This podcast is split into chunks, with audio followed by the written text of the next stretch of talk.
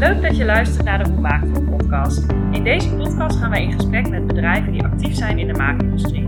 We zijn benieuwd naar verhalen achter bedrijven, thema's die spelen in de markt en we zijn benieuwd naar de visie van onze gasten. Dit alles met als doel om jou te inspireren. Mijn naam is Maaike Bloten en vandaag zit ik op tafel met Jacques Stevens van ID Partners. Welkom Jacques. Ja, leuk om hier mee te doen. Ja, eh, Jacques, jij bent al 30 jaar actief in de technische industrie en eh, eigenaar van ID Partners. Kun Dat jij klopt. toelichten wat jullie precies doen? Ja, wij zijn begonnen als een industrieel ontwerpbureau. Eh, Eigenlijk meer werktuigbouwkundig. Ja. Eh, ooit vanaf de universiteit met een tijdelijke ondernemingsplaats begonnen. Ja, en toen Dus- studeerde jij nog? Ja, toen studeerden we bijna nog, net afgestudeerd. Daarna en door de professor van de Kronenberg toen begeleid. Hè, dus de, de oprichter van, of de bedenker van de eh, ondernemende universiteit. Oké. En eh, nou, we zijn begonnen om voor MKB-bedrijven met behulp van het methodisch ontwerpen eh, ja, nieuwe innovaties te verzinnen. Ja. Te helpen daarbij. Ja, En eh, langzamerhand zijn wij doorgegroeid naar meer industrieel ontwerpen. Dat wil zeggen dat we ook de esthetische vormgeving en het Ja. gebruik van producten goed onder de loep nemen en verbeteren. ja, Omdat heel veel bedrijven zelf wel eh, de technische dingen ontwikkelen. ja. Maar wij vullen dat aan. Het is echt in het beginfase van het proces. Ja, vooral vernieuwingen. Wij zijn een beetje een verlengstuk van bedrijven die eh, ook zelf wel een eigen ontwerpafdeling hebben. ja. Maar wij pakken de nieuwe dingen op waar ze zelf niet aan toe komen door Ja, de dagelijkse drukte. ja, mooi. En dan gaat het om nieuwe ideeën, nieuwe innovaties, verbeteringen aan het product. Ja, Maar de laatste paar jaren proberen wij ook producten een betere vorm te geven. En Ja. Dat is ook steeds belangrijker in de maakindustrie, in de Ja. machines, apparaten, dat OEM'ers ook een product hebben die er overtuigend uitziet. Ja. Dus het gaat er niet om dat ze trendy zijn, nee. Of dat ze zeg maar, heel erg eh, modisch zijn, Mhm. of een hippe kleur hebben. Het gaat er vooral om dat het overtuigt. Dus het Ja. product heeft een bepaalde seriositeit Ja, en eh, een bepaalde functie. En je wil zorgen, Ja. bijvoorbeeld bij laboratoriumapparatuur, dat die past in een laboratoriumomgeving. Daar zijn soort conventies voor. Maar stel je hebt een eh, dieptrek verpakkingsmachine, die hebben we wel eens ontworpen. Een roestvaart staal. Ja, die moet hygiënisch zijn. Maar die moet er ook hygiënisch uitzien. Ja. Dus als de eh, functioneel hygiënisch is, hoeft hij er niet functioneel, eh, hoeft hij er niet hygiënisch uit te zien. ja. Maar het helpt wel heel erg mee als het wel klopt, het ja, beeld. ja. Dan hoef je dat niet meer uit te leggen. En zie je daarin ook al een verschil van hè, hoe het 30 jaar geleden en hoe het nu is? eh, dat het steeds belangrijker wordt? Ja, want de producten hebben vaak dezelfde prestatie, dezelfde functionaliteit. En dan kun je dus onderscheiden. Kijk naar Apple-telefoons, hè. makkelijk te bedienen, goed verpakt, hoogwaardige interface. Waardoor Ja. ze zeg maar, heel makkelijk worden om te bedienen, terwijl er heel veel high-tech in zit. En dat geldt ook bij machines en apparaten. Ja, zeker. Als je die makkelijk kan bedienen en ze zien er overtuigend uit, Ja, zijn ze ook makkelijker te verkopen. ja Het is eigenlijk een soort marketing ook wat je Mooi, ja. doet. Marketing wordt steeds belangrijker eigenlijk in dat hele proces. Ja, Eh, dat moet je onderscheiden. Je hebt natuurlijk wereldwijde concurrentie. Als jij dan boven de massa uitsteekt met een bepaalde kwaliteit, niet alleen van de techniek, maar ook van het design en ook van de bedienbaarheid, dan uh, ja, en tegenwoordig ecologisch uh, ontworpen. Dan heb je toch een streepje voor. ja, dan draagt dat bij inderdaad aan het eindproduct. Ja. eh, ja. En spannend is altijd dat je op de kosten moet letten. ja precies. Dus je, eh, je wil het wel beter maken, maar het mag vaak niet duurder worden. Nee, nee, nee. Eh, het liefst eh, goedkoper, zodat eh, ja, de producent meer marge heeft. Dat is best een, een klus eh, Ja. voor jullie. Ja. En voor welke, mm, voor welke klanten eh, maken jullie eh, dit soort ontwerpen? Ja, vooral OEM'ers. Ja. Wij denken aan bedrijven die verpakkingsmachines maken. Bedrijven die eh, medische producten maken, apparaten en machines. Eh, bedrijven die eh, laboratoriumapparatuur maken. Maar ook eh, eh, aan een, bijvoorbeeld een WAVIN die koppelingen maakt voor Ja. eh, de waterindustrie. Ja, Dan denken wij er ook over mee. Om daar best nieuw- wel breed heel eigenlijk. breed. Ja. Ja, En is het eh, alleen in Nederland georiënteerd of zitten jullie ook eh, op Ja, we zijn natuurlijk in Nederland begonnen. Veel in Duitsland. We hebben ook een Duitse partner waar eh, in het eh, netwerk, waar ik straks wat over zal vertellen, waar dit zit. Ja. Die betrekken we ook bij onze projecten. Ja, Want wij kunnen niet alleen maar ontwerpen, we kunnen het ook laten maken. ja. Nou, omdat we de Duitse markt eh, bedienden, ook in onze uitingen en onze website, hebben wij ook eh, Zwitserse klanten, Oostenrijkse klanten. Maar soms word je door je website ook gevonden tot in Japan toe. Grappig? Ja. Ja. Ja. zo werkt dat. eh. Ja. En je kan nu natuurlijk gemakkelijk met elkaar over Teams in ieder geval. Ja. Het is natuurlijk leuk ook als je het daadwerkelijk kan zien op locatie, maar hè, dat is ook... eh, We kunnen regelmatig tussen overleggen, in ieder Ja. geval eh, zonder dat we ergens naartoe moeten reizen. eh, plannen. Dat is Mooi. in de afgelopen periode ook al gebleken. Ja, dat is iets sneller gegaan dan, dan we gedacht hadden.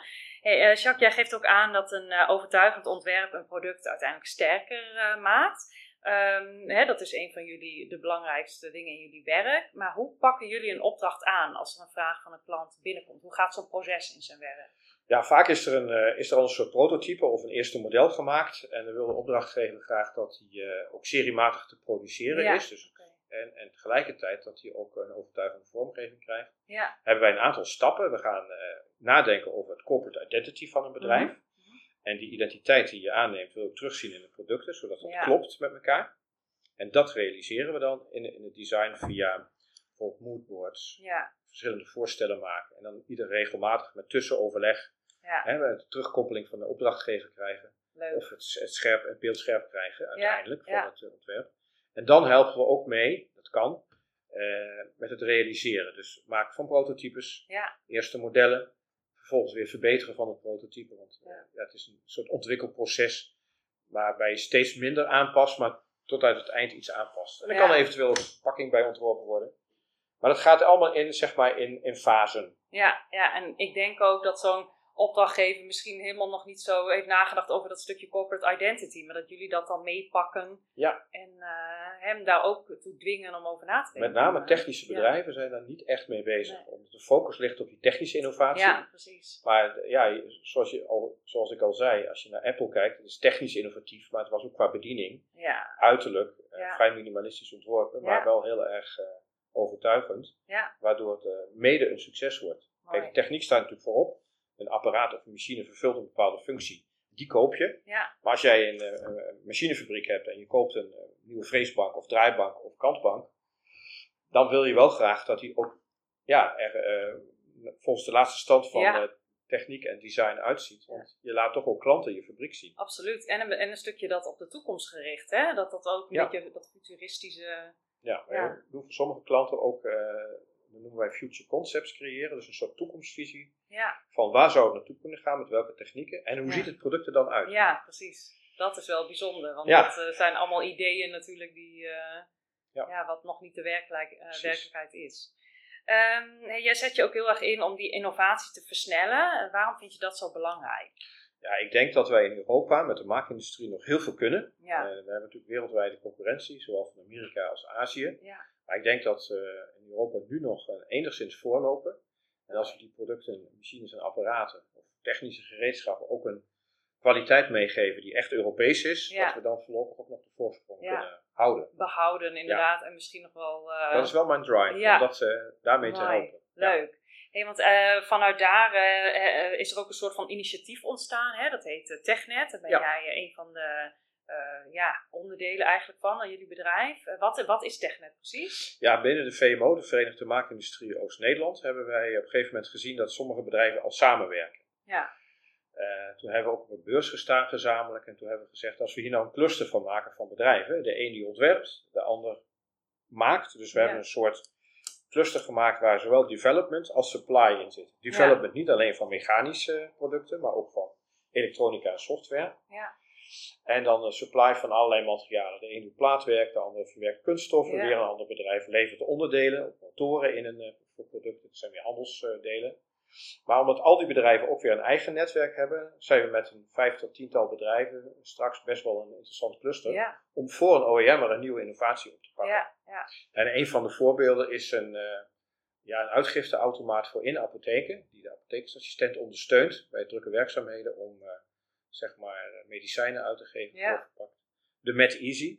is een soort robot die in een eh, apotheek staat. eh, en die hebben wij gezamenlijk ontwikkeld met het cluster. Ja, ja, En op die manier kunnen we ook samen op beurzen gaan staan. ja, Ons in het buitenland presenteren. ja. eh, zeg maar op, eh, op LinkedIn en andere websites. Ja. Ook, Laten zien, Laten dat, zien. dat als jij samenwerkt, dat dat proces dus sneller gaat. En Ja. dat je uiteindelijk hè, eh, een probleem voor zo'n apotheker kan oplossen. Ja. Eh, We hebben een soort mini-keten, als Ja. het ware georganiseerd van bedrijven die elkaar goed kennen, elkaar ook liggen. ja, ja, En waarbij zeg maar, de, de opdrachtgever, of dat nou een handelsfirma is of een OEM'er, met één druk op de knop eh, zeg maar, eh, een innovatie in gang kan zetten. mooi.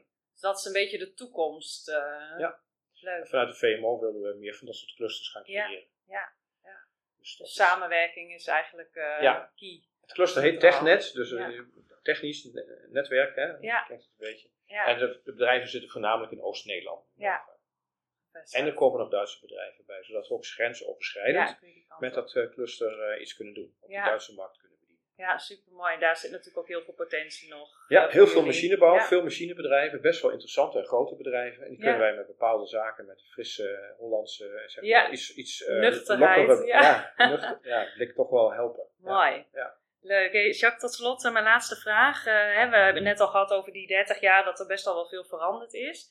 Eh, waar zie jij ID-partners over 10 jaar staan? Ja, dat wij zeg maar, een vast ontwerpbureau worden voor verschillende OEM'ers die elkaar niet bijten. Ja. Want je ziet wel dat de losse opdrachten per klant is wel heel lastig. Maar als Ja. je ergens in een thema zit en je hebt ergens verstand van, Mhm. noem het maar medische di- dispensingproducten of bepaalde verspaningsmachines, dat we toch bepaalde specialismes opbouwen en voor die wat grotere OEM'ers dan Ja. het eh, design en de UX design gaan verzorgen. Mooi. En dan eh, met name in Europa, Ja, bij ja. voorkeur. mooi. Ja. Goede plannen. Ja, zeker. Bedankt voor het gesprek. Ja, leuk, graag gedaan.